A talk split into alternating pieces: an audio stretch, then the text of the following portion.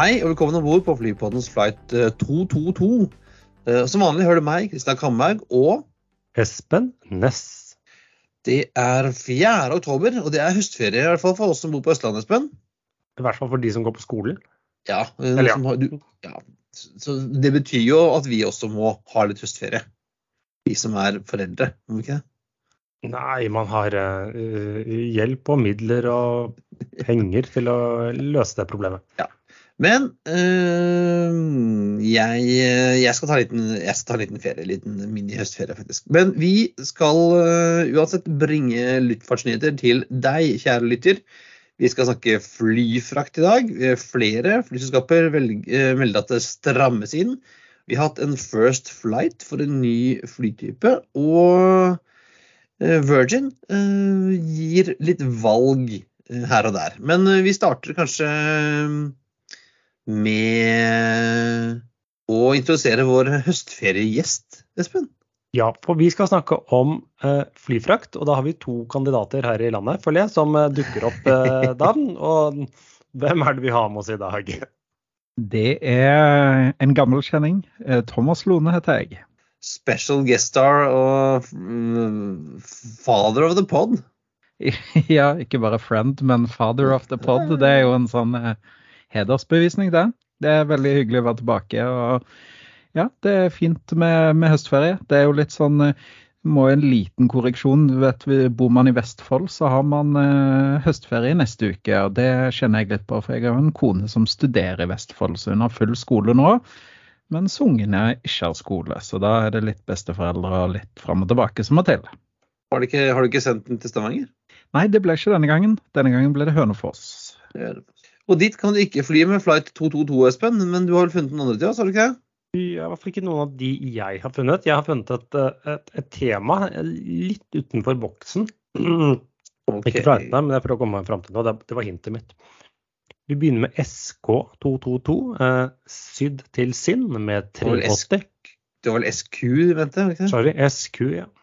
Ja, uh, Sydney, Singapore, 380, ja. ja.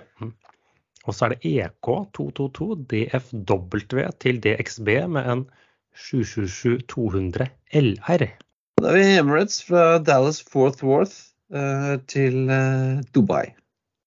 Og så DL222 fra ATL til ATH med en 330 300. Ja, og nå har jeg funnet temaet ditt. Det er faktisk mange temaer. her. Er- Delta, Atlanta. Hartsfield til eh, eh, Aten. Eh, og du har funnet da eh, flyplasskoder eh, på samme bokstav. Syd, SIN, DFV, DXB, ATL, ATH. Og ikke, og ikke bare ikke, faktisk ikke det, i tillegg til at alt er også interkontinentalt, så går samtidig samtlige med flytyper eller undermodeller av flytyper som ikke lenger produseres. Uh. Ja, Uh. ja, ja Her var det Ja, men ja. Men ja. eh, til en, Men til du en har, men du har ekstra, eh, Thomas, har du ikke det? Jo, jeg må, jeg må jo ta med videre 222, som er Bergen-Alicante. Og den er jo litt spesiell, for det var den første skal vi kalle det i gåsetegn Syden-ruta som videre selv åpna opp. Og den, eh, den går fortsatt med en Embrar eh, eh, E2 eh, 190. Eh, og, den går også gjennom hele vinteren og humper går, og har egentlig hatt en veldig god mottakelse i sommer. og ja, så det Syden med videre, det, det ble et godt bekjentskap, egentlig. Så den, den fortsetter vi med gjennom vinteren og til sommeren og øker litt på den òg. Så det, det blir veldig bra. Det jo ikke, eh, faller jo ikke innenfor eh, Espen sin kode, da. Eh, nei, det gjør han ikke. Men eh, fra B til A, det er nesten. Nei, Han, og, får, han, fikk lov, han fikk lov til å ta den med, vet du. Når han, ja, og Embra er som bygges som dere, så ja, ja. Ja, det er sant. Så den, den er ikke på en måte uh, Innenfor temaet er den ikke, men vi måtte ta den med likevel. Og så har vi én krasj og noe halvgammelt og halvnytt fly. Ja, vi begynner med ulykkesflight 222. Eh, TransAsia Airways eh, 222 tilbake 23.07.2014. En ATR 72. Eh, En sånn controlled flight into terrain. En flight som skulle gått fra mm, fra, fra, fra Tai... Ikke fra Taipei, nei.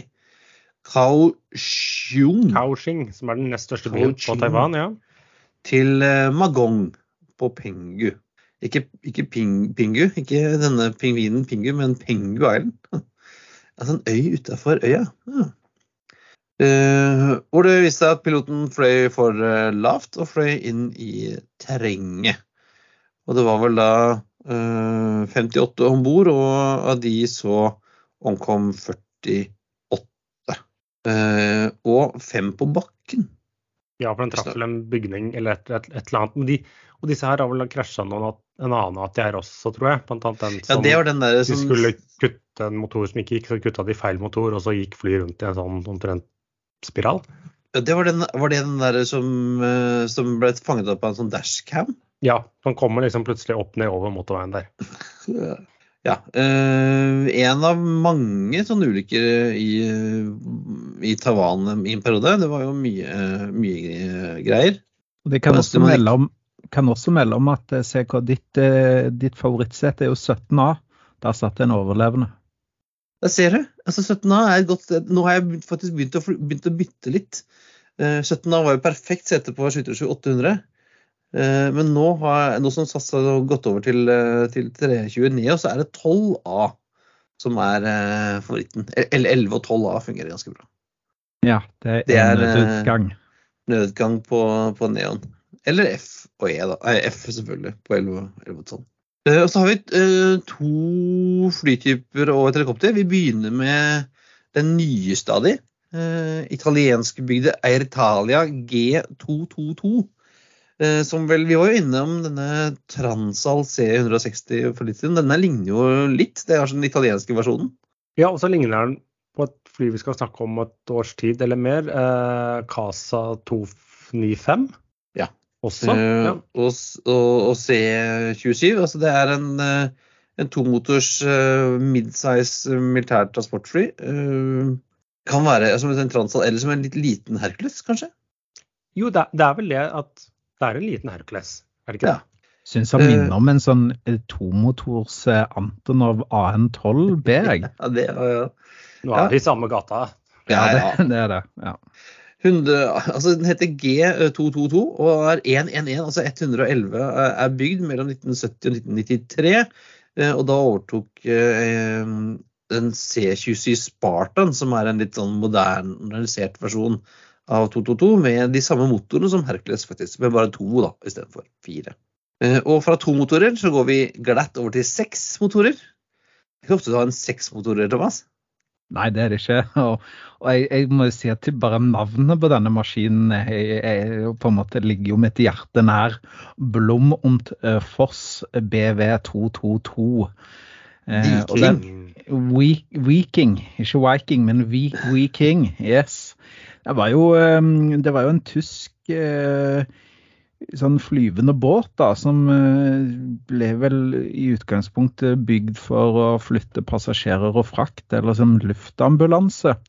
Hadde first flight i september 1940 og eh, gikk vel formelt inn i Luftverfet som en operasjonell eh, eh, flytype i, i 41, og det ble bygd 13 stykker av de. Eh, og det var jo det var jo En ting var at denne gikk inn i Luftwaffe, men sånn som jeg har forstått det, så behovet for denne her oppsto jo hos Lufthansa. Så det var de som hadde på en måte mm, De som skulle hatt den, ja. Ja, det var det. Eh, Så, så mm, Men den enda opp da i eh, hos Luftwaffe og ikke Lufthansa. Så det mm, Ja.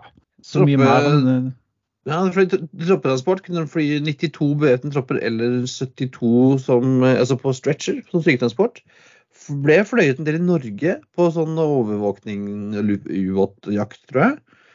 Eh, Og én maskin ligger eh, godt, godt preservert på 65 meters dyp i Trondheimsfjorden. Så hvis noen er keen på en, en Blom und Foss Viking, så er det bare å dykke ned og plukke den opp, tror jeg. Riktig. Men det som jeg syns er litt eh, Hvis man ser på, um, på tallenes tale fra, på performance på denne maskinen, så er jo det litt sånn morsomt i seg sjøl.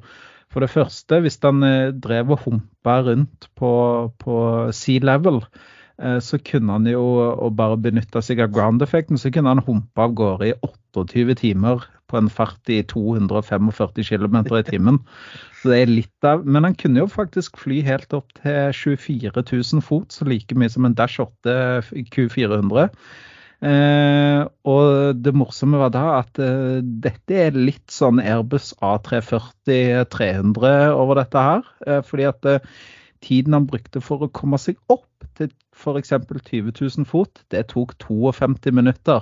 Så det var ikke akkurat noe Ja, det tok sin tid, dette her. Det var ikke noe Ja, det var raskere enn å kjøre bil på de tidene, men ja, det var ikke langt unna at det var mer effektivt å, å løpe, nesten. Og selv med, med, seks motorer. Og jeg har faktisk sett uh, en video på YouTube av en fyr som har bygd en modell av denne her i Lufthansa-farger. Ja, det gjør jo mening. Uh, jeg, jeg, skjønner at Han vil jo heller ha det enn noen sånne stygge nazigreier. Yes. Um, og jeg mener også jeg har lest at uh, eh, US Air Force tok et par av de etter krigen og brukte de til, til, å, til liksom å forske litt på. Så en av disse flybåtene som Northup bygget, uh, så har de vel tatt kjø, tok de kjølen av denne. og bygget som hadde som, som grunnkjøl på denne andre også, da. Så den levde videre. En liten stund, i hvert fall. Blom and Foss BV222 der, altså. Ja. Uh, og så, uh, Espen, skal vi til helikopter. Ja, og helikoptertypen i seg selv er kanskje ikke så kjent, men for oss som var uh, ungdom på 90-tallet, sikkert 80-tallet òg, og var i et hus som hadde enten TV3 eller TV Norge, jeg husker ikke hvor den gikk, så er dette et kjent helikopter. Ja, for Bell 2 222 uh, er jo altså helikopter i seg Vanligvis helikopter syns jeg ikke er så veldig uh, fine. Men denne her har jo ganske fine linjer, eller hva, Thomas? Ja, jeg, blant de bedre. Jeg er jo enig med deg, Kristian, at de, de, er ikke altså Jeg er ikke noen sånn helikoptermann, men, eh, men det, den er litt sånn Ja, hvordan skal jeg si Litt sånn mangel av et bedre ord, slik. Altså, den er litt sånn Du ser at ja, kanskje det er litt fart i den her. Og det, det, ja, jeg syns sånn til å være helikopter ser ganske kul ut, skal jeg være helt, være helt ærlig. Og den ikke minst spilte en hovedrolle hvor? I serien Airwolf. Airwolf. Som jeg klarer. Ja, det hadde jo en veldig kjent spenningsmelodi.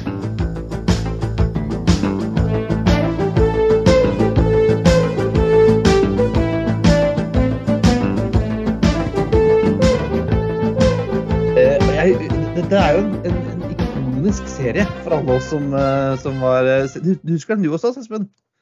Ja, ja, den gikk når jeg kom hjem fra, fra skolen på midten av 90-tallet. Da var sikkert i reprise nummer tre. Eh, men, for det var altså et supersonisk stelt-helikopter som var da lettere modifisert og, og, og liten dash fantasi i seg. Men uh, Når du kan fly supersonisk med helikopter, så er det ganske mye fantasi, vil jeg si.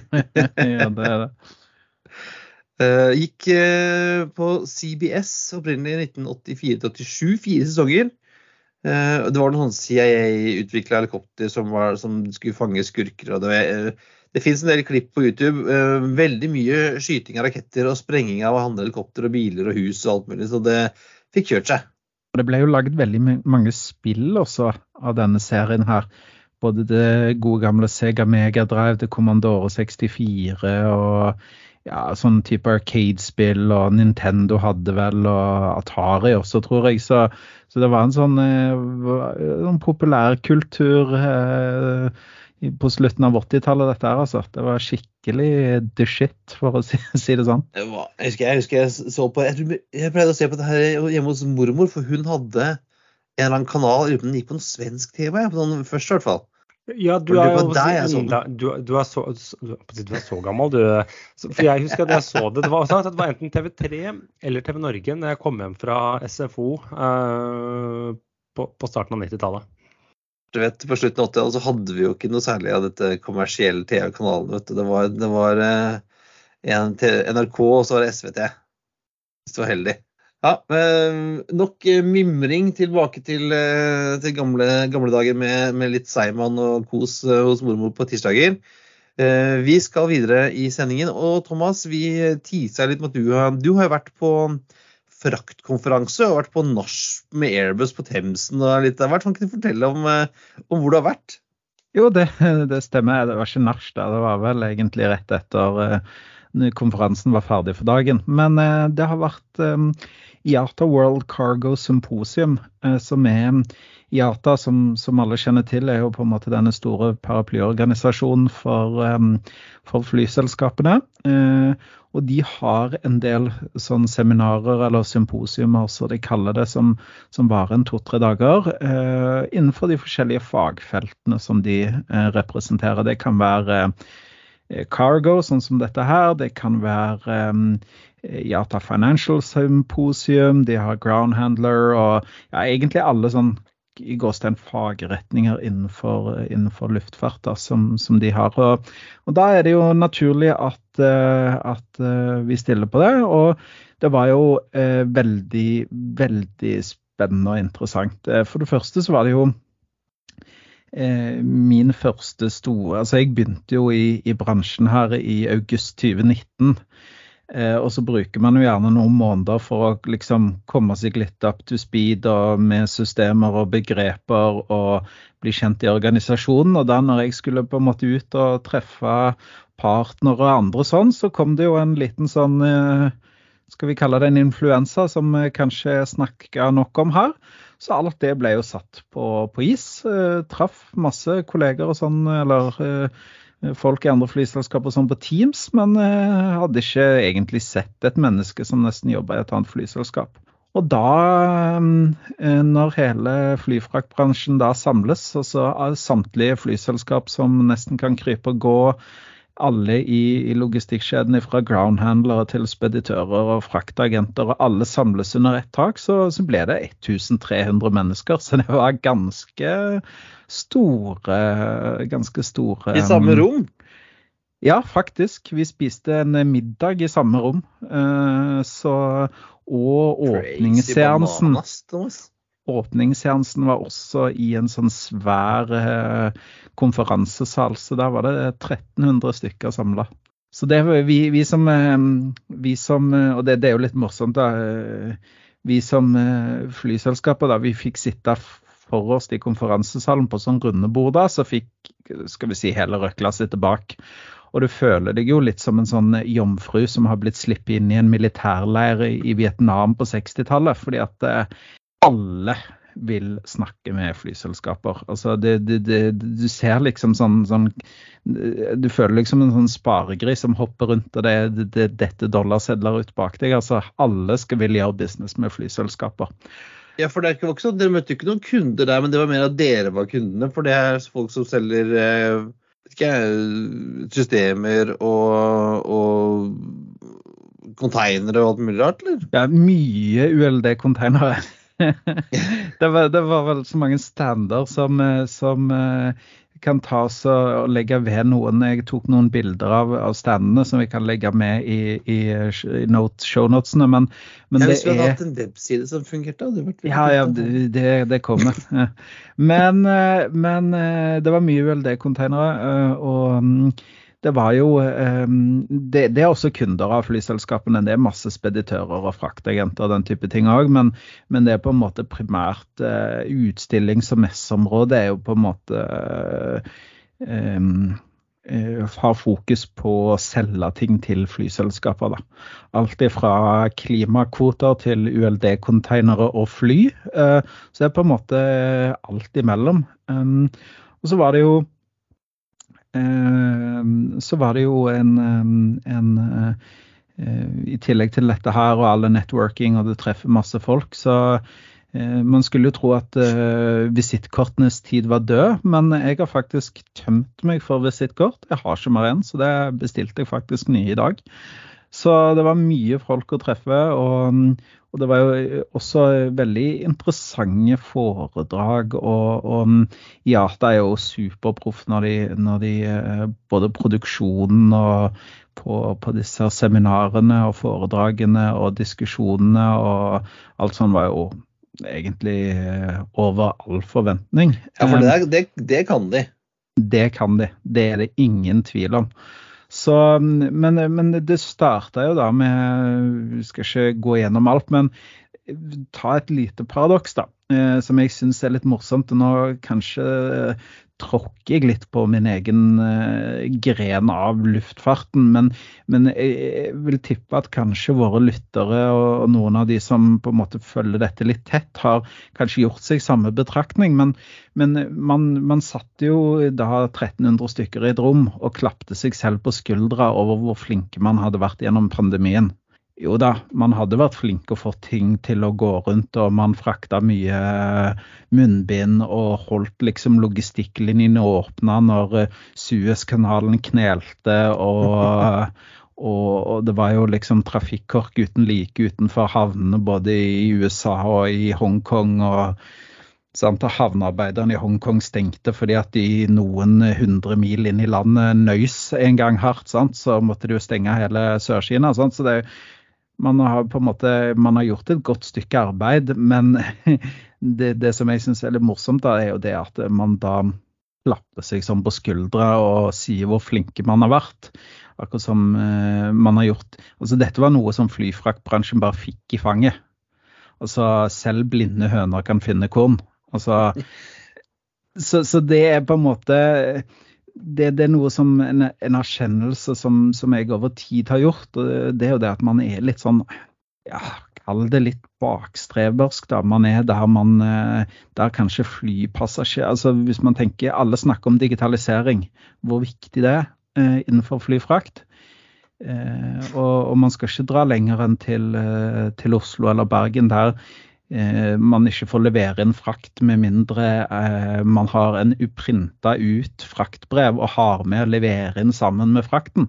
Selv om all informasjonen har gått digitalt, så skal man ha det på papir. Altså hele, hele den det er nesten mer konservativt enn shipping, altså. Det er, det er, det er tunge prosesser og, og, og det, det, det, som er litt sånn Jata, de, de vil så vel. Fordi de har sett og følt på hva de har fått til innenfor passasjer. Altså, det var jo en stor eh, merkedag i hele flyverden når man på en måte um, makulerte siste eh, papirbillett. Og mens jeg det, det, det, er jo så mye moro og folk man treffer. Jeg traff han og hadde en lengre samtale med han. Det var på den Airbus-mottakelsen for øvrig. Han i IATA som hadde hatt ansvaret for utfasing av papirballettene. Han som var prosjektleder. Og han sa at det verste var ikke å gå over til papirbilletter, nei, til e-tickets. Det verste var logistikken.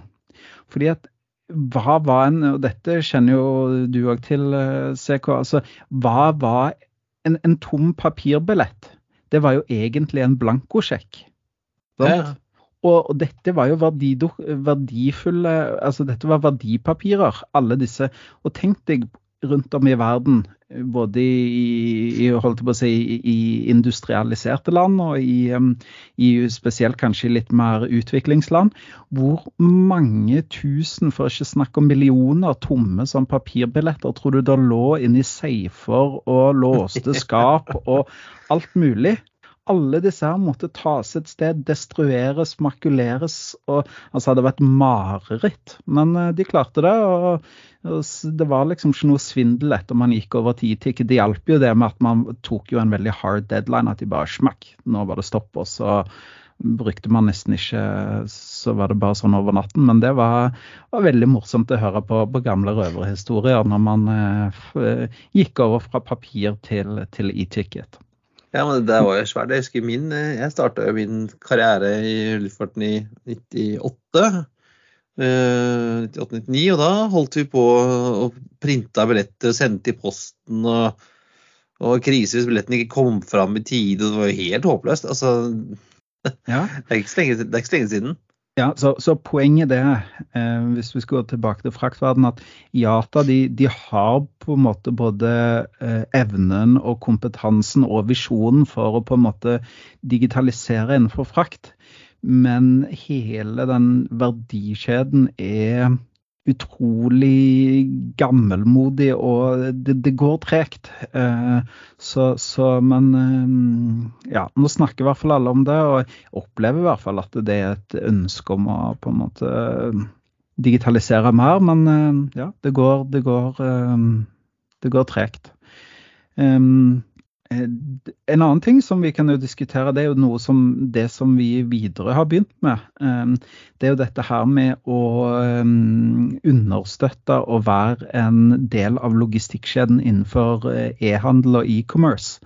Det var det også mye fokus på. Så der kan du si at vi har gått litt, eh, gått litt foran, da. Ehm, fordi at normalt sett, når man bestiller noe fra Alibaba, AliExpress, den type steder, så, så går det jo fem-seks uker, og så kommer det til, til, Norge hvis man ikke kaller betale noe DHL eller den type ting.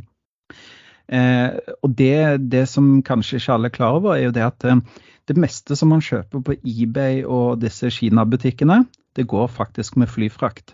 Selv om det tar seks uker. Seks til åtte uker. Da er det mye dødtid? Yes, nettopp. Eh, fordi at det går som konsoliderte sendinger. Og det konsolideres bare ikke én gang, eh, men kanskje to, tre, fire, fem ganger eh, før det faktisk går til Europa, f.eks. fra Asia. Sånn, så kanskje det konsolideres første gang hos den som selger det. Han leverer en stor sekk med ting som skal til Europa. Og så er det en eh, lokal transportør som har ansvar for å ta dette til flyplassene. Eh, han venter til han har 20 eh, sekker som han kan sette på en stor pall, før han går med dette til flyplassen. Og så på flyplassen så har du en speditør som fortoller og kjøper den faktiske flyfrakten. Han venter kanskje til han har én, to eller tre containere før han sender det. Og så tar bygget det tid på tid på tid på tid. Så det er det som er utfordringen. Ehm, men, men, men som jeg kanskje avslørte med, med, det jeg sa her, er jo at det er ufattelig mange ledd som er innom.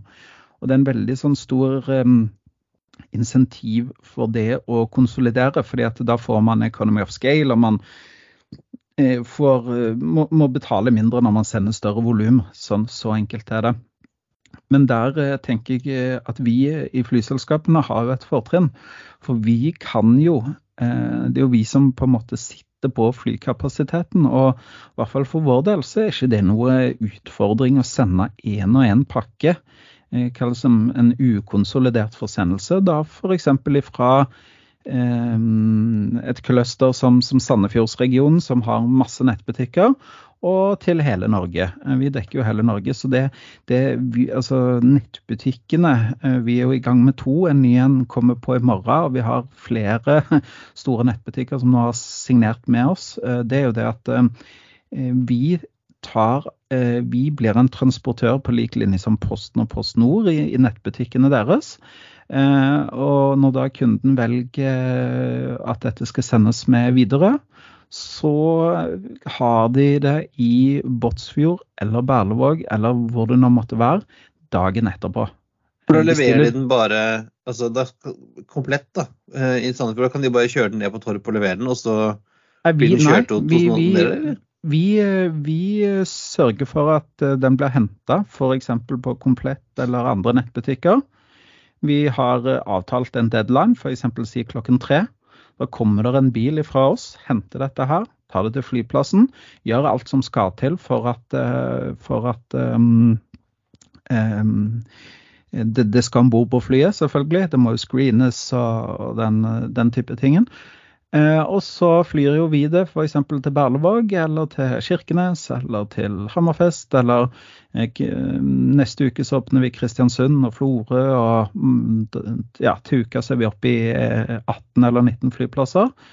Eh, og, og, da tar vi det hele veien. Og når det kommer da til f.eks.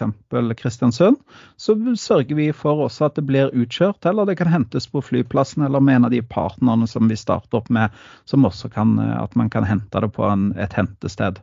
Eh, vi har jo til og med også investert i pakkeskap som vi tester ut i Alta og Hammerfest. Så, Så det er på en måte, Da tar flyselskapet ansvar ifra det hentes hos netthandleren til det leveres til kunden. Og det har aldri skjedd før. Det er, det er oss, og det er Asul i, i, Brasil. Og så driver Air Canada på noe med noe av det samme, og, og Delta driver og snuser sånn så vidt på det. Eh, bestiller man en Leves-bukse på, på Leves nettbutikk i USA, så går det på Delta sine fly. Eh, så, ja, for det, det, det, som har vært til nå, er rett og slett at du sier at flyskapene har egentlig sikkert da gått glipp av store inntekter, og ikke men fordi de rett og slett ikke har egentlig vært interessert eller eh, brydd seg om hva som liksom har skjedd før omtrent pakken står parkert utenfor flyet og stueren laster den inn. Helt riktig. Flyselskapene har så godt som Altså de, de, de har i veldig mange år vært veldig fornøyd med å bare fly ting fra A til B. Og det er liksom det er vårt ansvar. Det er det vi kan. Vi kan fly ting fra til B. Um, men, men, eh, men, det som flere og flere nå da snuser på, er jo, er jo det med å kunne da ta hele logistikk og verdikjeden. Eh, det er jo veldig viktig. Eh, ja, for det er jo noen, Jo flere ledd, jo flere kakestykker skal kaka deles opp i. Yes. Og det er jo klart at Vi må jo dele denne kaken. Vi har jo også folk som både henter, og vi har folk som leverer systemer og leverer og den type ting. Eh, men, men allikevel så noe av det som er viktigst, eh, det trenger jeg ikke å fortelle dere, når man driver flyselskap, det er jo det å, å bygge en topplinje. Eh, fordi at holdt på å si, kostnadssiden er jo relativt fast. Eh, det er veldig vanskelig å komme seg ut eh, av en, av en kostnad. Så, da, så, så for flyselskapet så er det jo om å gjøre å maksimere inntekten på den produksjonen vi skal gjøre. og da, eh, da har flere og flere flyselskap skjønt at hm, dette, dette kan være noe for oss. Så, så det, det, var det mye snakk om i, i, i, London. Og det er litt morsomt eh, på den sesjonen der man diskuterer den type logistikkløsninger. Så noen flyselskap er ekstremt interessert, og noen bare no, no, no, no, no. Dette skal ikke vi drive på med. Så det er veldig sånn, veldig sånn todelt. Eh, men jeg jeg tenker at vi i Norge har to fordeler. Eh, det ene er at vi har et langstrakt land eh, som, som, gjør sånn at en logistikkjede som dette her er på en måte er nyttig. Eh, I Danmark så hadde det kanskje ikke vært så nyttig. Så, så vi har en geografi som på en måte gjør fly fordelaktig. Og så har vi også, selv om vi står utafor EU, så har vi denne her eh, VAT on e-commerce-schemen som skatteetaten faktisk har, eller tollmyndighetene og skattemyndighetene har, eh, har, gått foran som et godt eksempel. Eh, for de fjerna jo denne populære 3 eller 350-kronersgrensa.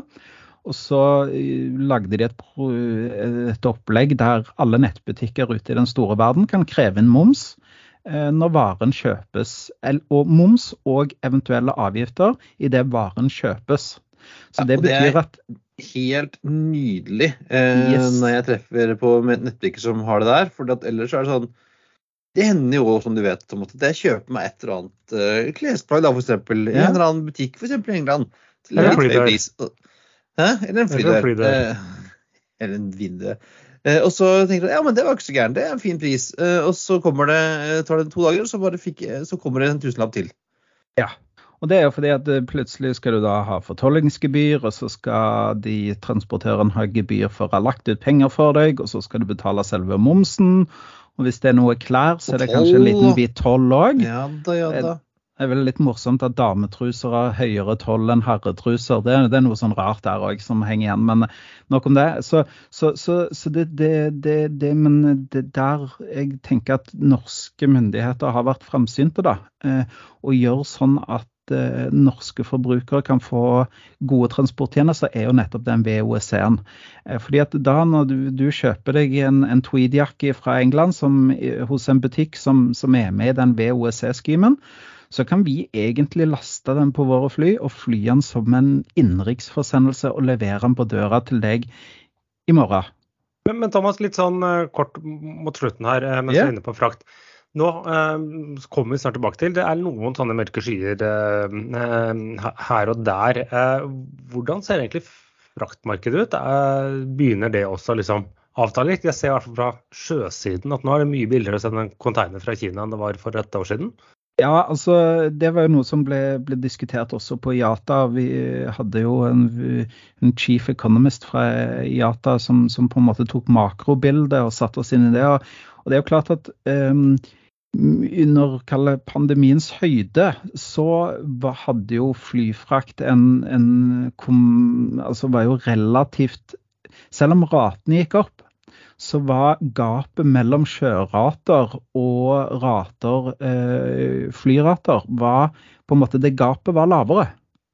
Sånn at eh, gjennom pandemien så har på en måte flyfrakt vært relativt konkurransedyktig. Eh, hvis man sammenligner mot sjøfrakt. Men nå ser man eh, de siste par månedene så begynner denne Eh, den gapet her å øke igjen. Så flyfrakt vil bli nå, i hvert fall sånn som det har vært de siste ukene, blir mindre og mindre konkurransedyktig mot sjøfrakt. Hvis man bare ser på, på pris. Um, så, så, i det bildet så, så, kan man jo si at uh, vi forventer jo nå at en del av de, hvis man ser på en måte verdensmarkedet, at en, en del av de ikke så tidskritiske øh, og kanskje sånn, skal vi kalle det mellomkritiske forsendelsene. De som har på en måte ligget Kanskje vi kan ta det på sjø hvis prisen er god, eller kanskje vi kan ta det på fly. De vil nok gå tilbake igjen til sjø nå. Um, og så ser man jo det med den øh, økte kapasiteten som nå har øh, vært representert med at man har fått longhold-flyene opp og gå igjen så har jo også eh, de internasjonale, og da tenker man spesielt på eh, mellom Europa og Asia, spesielt da mellom Asia og, og USA. Um, de ratene der det er på en måte de viktigste fra, fra, Asia til Europa, fra Asia til USA. De ratene også begynner nå å komme ned fra rekordhøye nivåer. og Det, det har med at tilbudssiden har kommet opp, eh, og så har etterspørselssiden roa seg litt ned. Så det begynner jo å bli en, en mer balanse i markedet der også, selv om ratene er, er fortsatt høye.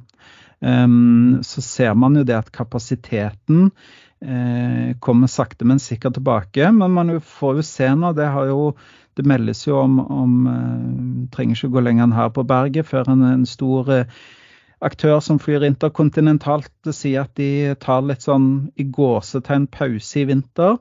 Så, så, hvis flere flyselskaper bruker på en måte vinteren til housekeeping, trening av piloter, tar kanskje inn maskiner til ekstra vedlikehold fordi at det er litt labert marked, så kan jo tilbudssiden på, på kapasiteten kanskje holde seg litt lavere og at ratene da blir eh, litt høyere. Men det kommer jo også an på den generelle utviklingen i eh, For, for mengden flyfrakt følger jo tett eh, et lands bruttonasjonalprodukt og økonomisk aktivitet. Så, så, det er klart at får man nå en oppbremsing i verden, som det er tegn på, så vil man også få en oppbremsing på det, det interkontinentale fraktmarkedet.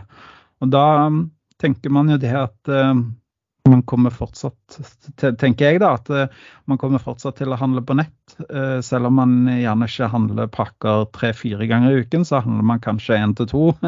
altså at, men det, er jo type gods som uansett må fraktes, så da tenker jeg at det er en fin nisje f.eks. For, for oss og, og, andre flyselskaper å gå inn på når denne type general cargo um, bremser litt opp. Men bremsing og brems, bremsing eller ikke bremsing, Espen. Eh, vi har jo snakket om tidligere om rederier som eh, hiver seg på flyfraktbransjen, og nå er det et nytt et. Ja, man har tidligere hatt Mersk og disse franske GCM, GCA eller hva det het. Nå sist er det jo MSC, som kanskje er mer kjent som et cruiserederi egentlig for eh, publik, public, publikken, holdt jeg på å si, det offentlige. Og, De har visst ganske mye skipsfrakt? Ja, ja, det er et stort shipping company eh, som nylig var kjent på at de forsøkte å kjøpe ITA sammen med Lufthansa. De uh, har jo da ringt Atlas Air og bedt dem å skaffe fire 777-200 fraktere og skal begynne å fly dem for en slags sånn wetlist for dem. Så det er jo tydeligvis et tegn på at også disse shippingselskapene fortsatt har tro på flyfrakt, og dermed ja, skaffer seg egne fly. Når kommer Velenius Wilhelmsen, tenker jeg. Ja, fly biler. Ja, men, men, jeg tenker det at uh, kanskje de kommer litt seint til bordet. Men samtidig så er det jo, om man ønsker å være på en måte en integrert um, multimodal leverandør, altså at du har flere Eh, når selgerne til CGM, CG, CMA eller MSC eller Marsk skal ut i den store verden, så, så, med at de har fly, så har de på en måte en, en større verktøykasse og, som de kan ta med til kundene og tilby mer spesialiserte logistikkløsninger. Kanskje de har mye som skal gå på båt, men så har de noe som kan gå på fly, og da kan de på en måte integrere disse flowene på en eller annen måte. Så, så jeg ja, eh, jeg tenker det er kanskje litt seint for den der bonanzaen vi har sett nå. Men ja, det er kanskje nyttig hvis man ser litt større, at man ønsker å tilby en større portefølje da, av, eh, av, frakt og, og logistikktjenester. Eh, oppstart blir tidlig 2023. Eh, fly i egne farger, ser det ut som. Ja, dog ikke. Det, det var ikke så... Ikke så rart at disse her eh, Atlas Air-folka som jeg traff, var så oppesen. De, eh, de smilte fra øre til øre og hadde nypressa dresser hele gjengen, så de eh, tror de, de koser seg om dagen. Men de, altså Atlas føler jeg flyr rundt omkring for alle mulige folk. De har gjort, gjort det bra, da. Ja, De flyr både på egen, egen kappe og, og, og, andre. De, jeg husker ikke om de flyr litt for Amazon, eller er det noen av de andre? Jo, jeg tror de flyr for Amazon. Men eh, ja, jeg tenker jo det er jo Hvis man bare skal se det fra et eller annet perspektiv, skal ikke drodle for mye på det, men så er det en, en, fin måte å spre risiko på. De har noe egen produksjon, og så har de noe som de gjør på vegne av andre. Så det er jo som et hvilket som helst annet flyselskap som kanskje flyr litt charter uh, i ny og ne. Det handler om å spre risiko. Eh, og så var du jo inne på det litt i stad, Thomas, at det, det kuttes uh, her og, og, der. Og vi har jo um, Eh, vi kan starte med, med, dagens nyheter, Espen, fra Flyr. Som vi jo eh, egentlig er gode, like godt eh, her i poden. De er jo ja, friend of, of Flyr. Jeg har, valgt dem, flere, ganger. jeg har valgt dem flere ganger og forsøkt å velge dem flere ganger. Men dette er jo litt som Så har vi også stilt spørsmål hva skal de gjøre i november.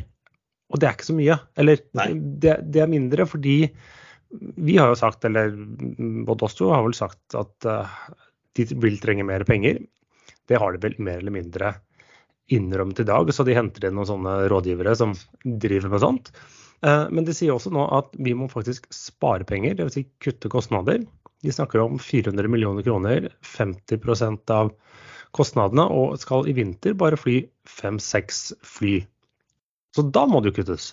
Det må det. Og du var jo inne på det, at du har jo prøvd, du har jo prøvd eh, hardt å få det til å fly. Men, men, de har jo dette utfordringen med at de ikke er ordentlig, ordentlig lista i, i, i, i reservasjonssystemene. De har en sånn Amadeus Light-greie, men, men, du kan heller fremdeles ikke booke dem når du skal på jobbtur? Espen, Ja, det vet jeg ikke med meg. Eh, men mm så det varierer litt fra reisebyrå til reisebyrå. Og det er jo det de tror jeg merker, at det er derfor nå bl.a. de kutter jo kraftig på innenriks. De beholder det nå i vinter. De skal fly rundt jul til her og der, men da gjennom hele vinteren så blir det bare Bergen og Trondheim som tror jeg på ganske lav frekvens beholdes. Ellers liksom skal de flytte til Syden. Litt Ski og litt europeiske storbyer, samt Alicante fra både Bergen og Trondheim. Og de, når de skal bare opp fly halve flåten, så må de også permittere ansatte. For hvis ikke går jo ikke regnestykket opp. Nei, eh, jeg vet ikke om de Vi var litt usikre på om de har fremdeles eh, disse Power by the Hour-dealene. I så fall er det, begren... ja, i så fall er det begrenset. Men det, i disse dager eller, Det er jo ikke Og det å eie flyene, det kommer litt ned på lista. I dag så er det fuel som er svindyrt. Og så ansatte De er ikke nødvendigvis dyre, men de krever eh, mange ansatte. Sånn at ytterligere litt ned på listen. Hvis man ikke flyr, så kutter man ganske mange kostnader, selv om man betaler leasing. Ja, jeg snakket med, med Anita Svanes, som er kommunikasjonsdirektør i Flyr nå på mann, forrige mandag. Eh, og da fortalte hun det at liksom under eh, når de forrige, forrige nedturen deres, eh, hvor de hadde un, klart å unngå noe særlig permittering, men hadde da folk som egentlig var flyende eh, til å jobbe i, med, i kundesentre og litt forskjellig. Men, men, når trafikken går såpass mye ned, så er det jo lite jobb for folk å, å gjøre. Særlig nå Liksom, de har, Organisasjonen er satt. De var, det er ikke den oppstartversjonen, uh, oppstartfasen lenger. Uh, så da må vel må det permitteres, uh, tipper jeg. Og, eller om man tar ferie, eller hva det blir. For det blir, kommer til å bli noen måneder med, med trange tider. Permitteringer, men så kan det også være noen slutter av sine naturlige årsaker. De har jo hentet piloter fra andre flyselskaper som nå kanskje har begynt å kalle tilbake, eller allerede har det. Norwegian og SAS f.eks. Og sånt. Så det er jo ja, det er spennende. Det er jo litt synd, men det er jo jeg kan si at det er vel eneste løsningen. Skal de overleve, så må de nå, si, trekke seg tilbake og, og rett og slett uh, spare penger, eller rett og slett spare på cash gjennom vinteren. Ja, og det, det, det, som de har satset på nå, eh, ferie og fritid og Syden, er, vil jo si ut til meg at de ikke har klart å, å, liksom, å, å få det, det businessmarkedet. For det, altså, utover nå så er det jo er det, er mye flyvning i vernesko fremdeles. Jo, jo, jo. jo. På, på innenriks. Og jo, det ut som de har klart å få de folka inn. da. Nei, eh, men de må også si, dress også. De har de heller ikke fått inn. Det er det som har vært uh, tydeligvis problemet. At liksom få fylt litt i den der uh, tirsdagsflighten. Så det blir spennende å se hvordan det går, og, litt sånn nøyaktig hva slags program de kommer tilbake til. Men det blir jo ganske sånn skyggeprogram, og så har planen liksom komme tilbake igjen fra høsten. Men som vi fra, som, fra våren, da. Ja, våren. Beklager. Våren. Uh, men det, dette er ikke unikt for dem. Nei, uh, Norse, uh, som også er en ny oppstart, som også tenkte at de skulle komme inn og, og, og ta norske marked med storm, uh, har jo varslet også rimelig kraftige kutt. Ja, Blant annet så ryker Los Angeles, både fra Berlin og Oslo, fra og med 16. 16. oktober, ja. oktober. Det var vel planlagt å gå gjennom vinteren, mens Orlando uansett skulle legges ned. Eller ikke legges ned, i hvert fall ta, ta vinterferie, da. Ja, øh, og New York kuttes fra, seks, fra daglig til tre ukentlige. Mm, ja. Fort Lauderdale går fra tre til to ukentlige fra øh, Oslo. London London Gatwick fortsetter som daglig. Ja, både fra Oslo og ja, den er jo gjennomgående til de henger jo sammen de rutene videre til, til New York. Og så beholder de vel Ja, de skal fremdeles begynne å fly Berlin for Lauderdale nå til vinteren. Men de er også litt sånn ser at og De har allerede varsla at vinteren skulle bli tøff, og gjør det egentlig det eneste de kan gjøre. De må jo bare begrense, begrense rett og slett eh, kostnadene. Og de har jo Power by the Hour på samtlige fly. Og så tror jeg, dette vet jeg ikke, men mitt inntrykk er at de har ikke nok crew uansett til å fly 15 fly. Eller har de jo fire-fem utleid til uh, Air Europa likevel. Og selv, selv de si, ti gjenværende eller hva det måtte være, jeg, jeg, tror ikke de har ansatte til å fly alle de flyene. Så sånn sett er det mindre problem. Ja, Men altså, det, det ligner jo litt på hva Norwegian gjorde på long haul når de var når de på, slutt, på, slutten der. Kutta ja. ned, eh, dro ned. og den Utfordringen med et selskap som Norse da, er at du har Eh, du har ganske dårlige tidtabeller fra før av. Eh, du har ikke daily på alle. Eh, og når du da ja, drar det, ned det Er et nødvendigvis problem på longhold mot ferie- og fritidsmarkedet? Nei, men, bare, men, Du kan jo ikke leve på det.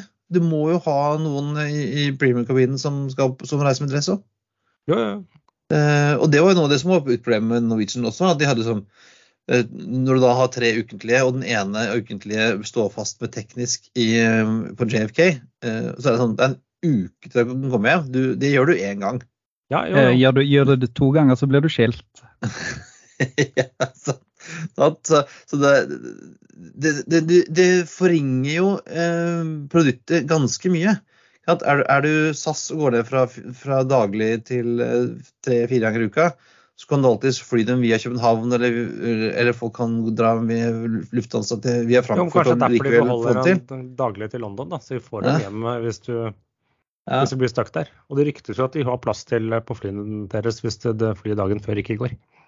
Ja, og, for, og august måned var jo ikke noe bra måned det heller. Altså kabinfaktormessig. Jeg, jeg tror jo ikke de har noe annet valg. Det er litt som flyr. At du må bare komme gjennom så må vi se hvordan neste sommer blir. Men hvis ikke neste sommer blir bra for noen av dem, så er det bare å dra hjem. Ja, altså, og litt sånn eh, sommeren som var også. Eh, hvis ikke du fikk den, hvis ikke du klarte å tjene penger innen den sommeren som var nå, Ja, nå startet jo knapt nok opp, og så Ja, får man eh, gi, ja. gi, gi Flyr en sjanse til. Men eh, for begge to er sommeren 2023 tror jeg er siste sjanse. Eh, det kan godt være at det går, eh, men det er litt det eh, siste. Og, men Norse har de ikke sagt noe mer om at de må hente mer penger, med det? Nei, de har, de, har masse, de har masse penger. Eh, masse, masse. De har bra med cash, men de, må, de er jo krever at det ikke svir av. De hadde vel over en milliard i cash eller noe sånt, sa Ja, de på siste, siste sist, eh, ja, fremleggelse. Siste, ja, siste rapportering fra deres side. Ja. Nå har det sikkert svidd av litt siden da, for den var vel basert etter Q2, men, men det er nå så. Uh, og også, Det er jo det samme signalet som bl.a. har kommet fra Widerøe, som har varslet om litt strammere tider. Nå tar vel dere et fly, eller et kapasiteten tilsvarende fly ut til trafikk nå, eh, leste jeg, samtidig som det representerte faktisk rekordantall passasjerer i september. Ja, det er et lite paradoks, det. Altså, vi, eh, vi hadde jo det. eh, Vi hadde jo godt over 300 000 passasjerer i, i september. Eh, Men, men det er jo på en måte, og det er vel ingen hemmelighet, de fleste flyselskaper, når de skal se inn i spåkulen, så er noe av det største og viktigste spåkulen de har, er å se hvordan går det med salget fremover. Og det er klart at vi, vi ser at det går trådere. Eh, Og da kan man jo da eh, bruke eh, vi, vi permitterer jo ingen og den type ting, så, så, så det er jo liksom eh, vi, vi, har jo et eh, vi, vi, har jo ganske mange fly som skal fly fortsatt. eh, så, så men, men, da kan man bruke høsten og vinteren på housekeeping, eh, fiksing av fly. altså Vi har jo ikke akkurat eh, Vi har fly som trenger en del kjærlighet. Så, så da Ja, er I det på en måte motsetning til, til Flyr og, og Norse, som jo har fly som egentlig ikke trenger så mye mekk i sommeren, liksom. Eh, Nei, nei, sant. Så de har jo fly som egentlig skulle ha flydd døgnet rundt, men våre fly, i hvert fall eh, de arbeidshestene våre, Dash 800-maskinene, eh, de, de trenger litt kjærlighet i ny og ne. Og da, da kan man bruke vinteren eh, til, til det. Og, og vi, har jo, vi har jo fortsatt tro på sommeren. altså Man skal jo ikke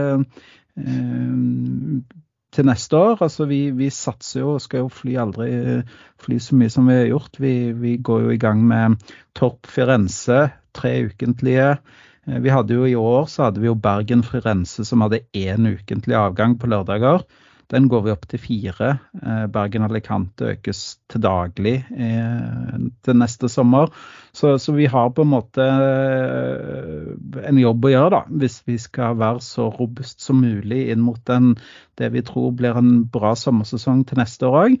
Så, så, må vi på en måte bruke vinteren klokt. Og da, da er jo sånn som det som vi meldte i dag, at vi, vi ser at det er en litt avmålt stemning i markedet. og da, da bruker vi tiden og ressursene våre ikke på nødvendigvis fly så mye som vi må, men vi bruker det da til å, til å eh, fikse litt og styre ordne og få trene litt piloter og den type ting. Så det, det tenker jeg er bare en, en, en bra ting. Um, hvordan, hvordan, ser tallene ut, uh, Espen? Vi har fått siste Avinor-tallene. Ja, og der ser man jo denne tendenser til den lille kalles nedgangen uke 38 og uke 39, som er det første, er henholdsvis minus 12 og så minus 13. Det jeg tipper begge ligger minus 12. og det er jo om Tendensen er da svakt synkende. Utenriks holder seg stabilt på et litt sånn halvdårlig nivå, eller hvis man kan si det, det mens faktisk det er innenriks hvor man har sett en sånn liten dipp. Men, som, men det, er liksom, det har gått fra 100 av 2019-nivået til 95 eh, på sensommeren. Ja. Så det er jo ja, det er en nedgang. Det blir sikkert kanskje litt verre enn man ser nå, men man skal heller ikke svartmale det helt. Nei, det skal du ikke, men så må man huske noe av det som preger det, det norske markedet nå, der man ser en økning av flyprisen i hele Europa, ca. 10% 8-10 så er jo prisene i Norge eh, rock bottom. Og når man i tillegg får det at man har jo fått gjeninnført eh, flypassasjeravgiften. Den kommer, ja. Stemmer det. Sant? Og, og, og man, altså Når man da man, man, kan jo le litt av det og si hva utgjør 80 kroner eller 85 på en så er det det dobbelt så mye når det er tur-retur innenriks i Norge. Hva, hva, utgjør det på en billett? Men ja, der går overskuddet. Altså det, det er det, man trenger ikke forklare her at dette er en marginbransje. og Når man da fra sommeren av fra 1.7 plutselig skrudde på den igjen, det hjelper ingenting. Null, niks, nada. For uh, Verken for oss eller Flyr eller SAS eller Norwegian. Og Så er det jo også et paradoks da, at uh, man uh, på innenriksmarkedet så må man jo betale flypassasjeravgiften to ganger. Altså Flyr du med, med Lufthansa Oslo-Frankfurt tur-retur, så er det jo bare Det er jo bare fly... på utreisen. Yes. Ja. Mens flyr du innenriks i Norge eh, tur-retur, så er det både på avgang og begge veier. Så, så det er på en måte Man blir dobbelt ja, straffa. Og da... Det skal jo sies at det er jo noen utenriks uh, par land som har noen, også noen litt sånne ekle avgifter etter hvert. Jo da, det, det, det er for så vidt sant. Men, men på en måte, det, det er en kombinasjon. Man må se totaliteten her. og og avgiftsnivået har økt. Prisene som man kan hente ut i markedet pga. konkurransesituasjonen er, er rock bottom. Så er det liksom eh, Ja, det er på en måte ikke det eneste som, som gjør at flyselskapene kanskje ønsker å, å holde oppe trykket gjennom vinteren, det tenker jeg er hvis man skal beskytte markedsandeler. Det er det jo noen flyselskap som er veldig opptatt av. Ja. Så, så da ja, og, og, når da flyet trekker ut det meste av sin uh, innenriksproduksjon, da, så vil jo det kunne hjelpe for, uh, for prisene til uh, SAS og Norwegian, i hvert fall. Ja, og smitte, håpe, fall. Og smitte over på andre flyselskaper. Mm, mm. Så, så, det Altså, misforstå meg rett, det er jo synd at de ikke får det til. Altså, jeg ønsker jo alle suksess sånn sett. og og Flyr har gode betingelser og prøver å få til ordna forhold for ansatte. alt sånt, så, så, på en måte, Selv om man er en konkurrent, så er man jo også, også kollegaer som på en måte ønsker alt vel. Men, men, jeg tenker at det er jo for markedet som en helhet. da. Eh, for de andre som står i dette her og gjerne ikke har mulighet til å redusere like mye og ha så fleksible avtaler, så kan det jo kanskje gi en bedring eh, på at kapasiteten kommer ned. Og da med litt mindre og litt lunken etterspørsel, så kan det kanskje i hvert fall situasjonen bli litt bedre, da. Så vi får se. Yes, det Men noen sier vi... fremtiden er elektrisk, selv om det, litt, det blir en dårlig høst. ja, det, ja, det, får vi se. Uh, vi har jo snakket elektriske fly lenge, og vi har ventet og ventet og ventet på at Aviation sin lekre Alice skulle ut og fly for første gang, og det gjorde den i forrige uke, gitt. Da uh, var den ute på sin åtte-ni minutter, visstnok. Uh, ute og fløy fra test, uh, testflyplassen oppe på Moses Lake oppe i, oppe i Washington. Ni minutter og tre sekunder var den ute og fløy. Men for et flott fly, Christian. Ja, det er så, det er så fint. Det er, det er lekkert. Men, men, da kan det fly, så kan man se hvordan går det med sertifiseringen osv. Det, uh, det gjenstår å se. Men det hopper jo oss over til litt neste. At det er jo flere som har bestilt et fly som sliter litt med sertifiseringen. I hvert fall tidsplanen har øket for lengst. Ja. Eh, Boeing eh, sliter jo med, med Max. Max 7 har jo ennå ikke blitt sertifisert, og Max, ikke, ikke, Max 10 heller. Det har jo ikke stanset WestJet for å, fra å bestille nå forrige uke 42 nye 77 maks 10 pluss opsjoner på 22 til har fra før av 15 eh, maks 8 i drift eh, med 178 seter, og så får maks 10 for 230 seter i, eh, i WestJet sin config. Det traff noen fra WestJet, faktisk. og For de også frakt, de har frakter, ja, egne fraktere? Ja, det har de òg. Alle utenom Widerøe har det, Thomas? Er det ikke? Ja. Ja, ja. Vi snakker ikke om det. Men det, poenget mitt var i hvert fall at eh, disse WestJet er et flyselskap som jeg på en måte har alltid visst om det, men jeg liker de. De, de har litt sånn guts, de, de, satser litt, og de er veldig sånn um, de, de, har jo en storebror i Canada som heter Air Canada, som er på en måte litt sånn tar, tar fokuset, men, men de, de, er litt sånn ja, de bare trør på ufortrødent, og de har fraktere, og de flyr eh, så de på, Ja, da så de på London Heathrow.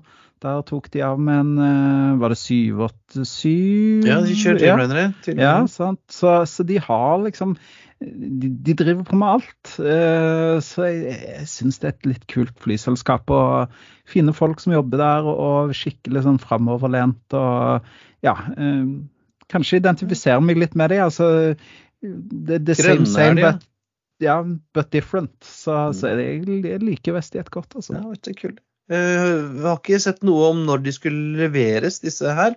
Men eh, Boeing sier at de i hvert fall regner med å begynne å levere til andre kunder i 2023, men da må den jo først bli sertifisert, da. Skulle man håpe. Men eh, jeg mener vi har snakket om WestJet og uniformer før, men det er flere andre som nå får seg nye uniformer, eh, Christian. Ja, ikke nye, men nytt uniformsreglement. For det vi snakket om med Westset, fikk de både nye uniformer og at de gikk bort fra sånn kjønnsspesifikke uniformer. Så du kan ha dameuniform eller herreuniform, så du bare ha den uniformen du vil ha. Om du vil ha skjørt eller vil ha dress eller whatever. Du kunne få velge alt du vil ha. Eh, og det har også Virgin eh, gjort. så De åpner nå for eh, menn i skjørt og folk med synlige tatoveringer. Det har også vært en sånn fy-fy i flybransjen lenge at man skal godt ha tatovering, eh, f.eks. på ankelen, men du må ikke vise den. da. Eh, Men nå er det greit. Du kan ha tatovering i fjeset eller på veien eller hvor du vil. Um, så uh, Virgin Atlantic sier nå at uh, At Virgin Atlantic, we believe that everyone can take on the world no matter who they are. Uh, og de kan sånn embrace individuality, og de kan sånn show their true selves. Og, ja. Så da gjør det at de kan velge den type uniform de vil ha selv. Og ikke bare kan du nå eh, åpner de opp for uniformer og tatoveringer. De har åpnet noe de har vært avvisende til selv annet lenge. Ja, altså øh, Jeg mener jo husker huske at øh, Mr. Sir, Sir Richard Branson sa en gang at øh, allianser det var noe antikonkurransedrit som han aldri skulle være med. Men jaggu har Virgin Atlantic gått med i, i Sky Team. Ja, og her henger det vel kanskje litt eh, at de er jo har jo tidligere vært deleier på Air France og KLM eller lite grann, og vi har et samarbeid med dem. Og ikke minst, de er jo eid halvparten av Delta Airlines. Som vi er veldig glad i SkyTeam, har jeg skjønt. Nei, de er jo egentlig ikke det, fordi de kjøpte jo seg inn i eh, Var det Latam? Og Ja. gjorde samtidig at de sparka dem ut av One World, men nekta dem også å bli med. Eller sa at de ikke skulle inn i noen allianse. Så jeg er liksom ikke helt Hvorfor skulle Virgin Men først, hva har Virgin å bidra med? Ikke at det er et fint flyselskap, men på en måte hva styrker det alliansen? Den er jeg litt usikker på. Og hva kan de gjøre nå som de ikke kunne gjøre ut fra London, uansett Barmen, co-chair og interlining og samarbeid eh, på den måten? Eller var det bare for å fylle hull etter Aeroflot, som må Ja. lage sin egen sånn ut. Putin-allianse? Og så Ja, sa jo SkyTeam det for en stund tilbake nei, vi trenger ikke flere. Ikke så lenge siden de sa det. det var, jeg tror det var vel etter Aeroflot eller gikk ut eller noe sånt, så sa nei, vi, vi uh, suspenderer Aeroflot, men uh, vi skal ikke ha noen flere flyselskaper enn i våre allianser, så skjer plutselig dette her. Nei, og så tok de jo faktisk og poengterte det også når, så, i den pressemeldingen om at, uh, at Virgin Atlantic kom inn. så var det sånn, Men vi sa at nå skal vi ikke ha flere. Nei. Nei, ingen trenger flere enn vi. Uh, altså, og SkyTeam er jo ikke akkurat den sterkeste alliansen heller, liksom. Nei, det er jo... Jeg vet ikke, for at, eh, men eh, de har jo uh, SkyTeam. Kanskje de har sjanse til å vinne den beste alliansen som har team i navnet? Vinne den kåringen?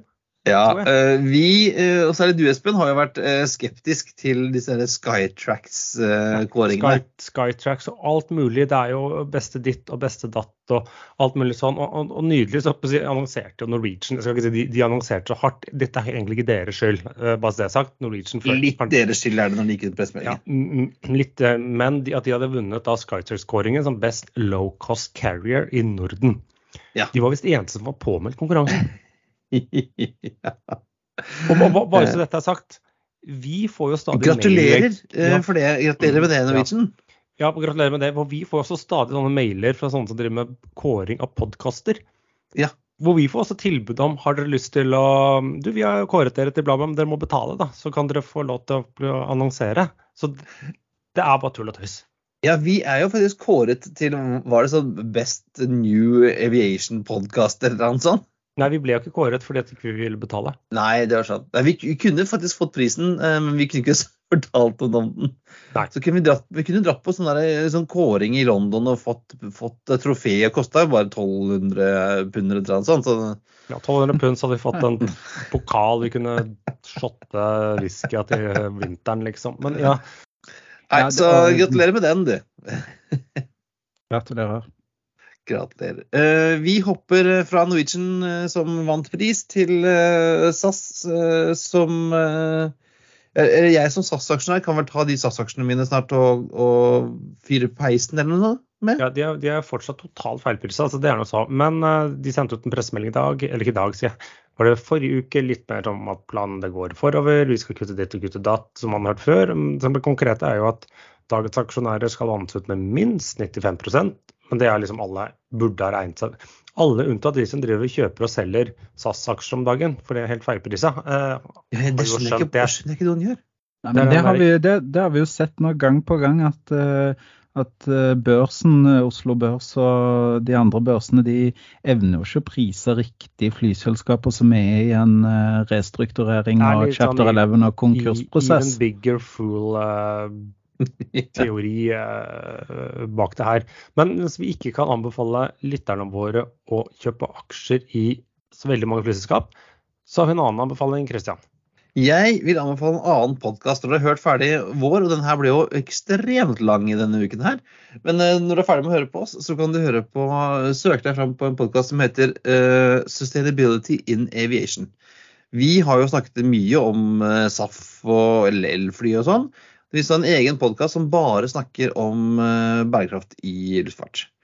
De uh, intervjuer eller han, altså den Shashank Nikan, som jeg kjenner fra før. En flink fyr. han intervjuer folk i flyskaper, allianser og flyfabrikker om hvordan de jobber med bærekraft. Og um, det har faktisk vært inn i sesong to. Jeg har ikke hørt hele sesong én ennå, men sesong to begynner med et intervju med han som er gründer og, og CEO i, um, i, Boom, han Blake Skjold. Jeg syns det er herlig at de bruker Boom i en sustainability-podkast. Altså, hvor, hvor, hvor, mye ekstra fuel skal du pælme inn i noen motorer? Ja, uh, jo, men det, et, et, et, fly som er et seilfly, eller som ikke flyr, det er miljøvennlig, det. Ja, det er sant. Oh, det er sant, det er sant. Men han sier faktisk i denne podkasten, uten å ikke spoile så mye, men han sier at de kommer med nyheter om motor i løpet av eh, året, sier han. For de mm, har jo sendt ingen motor eh, til dette flyet. Ja, ja. Eh, Men, Men Og snakke litt om også det med Det er ikke alt som jeg helt er med på. For Han fikk jo også spørsmål om dette, her, men er det så veldig sustainable når du skal brenne deg som fem ganger så mye fuel som alle andre? Eh, og selv om den skal gå på 100% SAF, så er det sånn det, det, blir mye Det skal brennes mye fuel. Det er mye suppe. Ja, ja, ja, men innen vi er på plass, så de, finnes det løsninger for å trekke CO2 ut av lufta. og ja, jeg, jeg er ikke helt overbevist. Det blir sånn, eh, blir sånn Ramjet-motor som er konvertert til elmotor. Det blir spennende. En sånn Dyson som bare Ja. Men yes. uh, uansett, anbefaler å høre på den. Uh, få hørt ganske mye. Og Fortell han også hvorfor navnet Boom, Espen. Ja, ja. Men det var alt for denne gang. Det er på tide å feste sikkerhetsbeltene, rette opp setet og sikre frisikt ut av vinduet ettersom flight 222 går inn for landing. Som vanlig finner du linker i det vi har snakket om i dag. Vi legger ut på, I shownotes hvert fall. Ja, på Facebook på shownotes, og snart har vi en uh, nettside på gården. Og så finner du oss på progress. Facebook. Takk, takk. Facebook at slash Flypodden og Twitter og Flypodden, Instagram og Flypodden. Eller så har du spørsmål, inviter oss på tur eller sponse oss eller et eller annet, så er det bare forhåpentligvis snart sende mail. Men inntil videre, ta kontakt på, på Facebook. Facebook. Ja, det funker å sende mail òg. Gjør det? Det funker fortsatt. Ah, okay. Send oss en mail. Send oss en mail. Ha det bra og god høstferie for de som har det.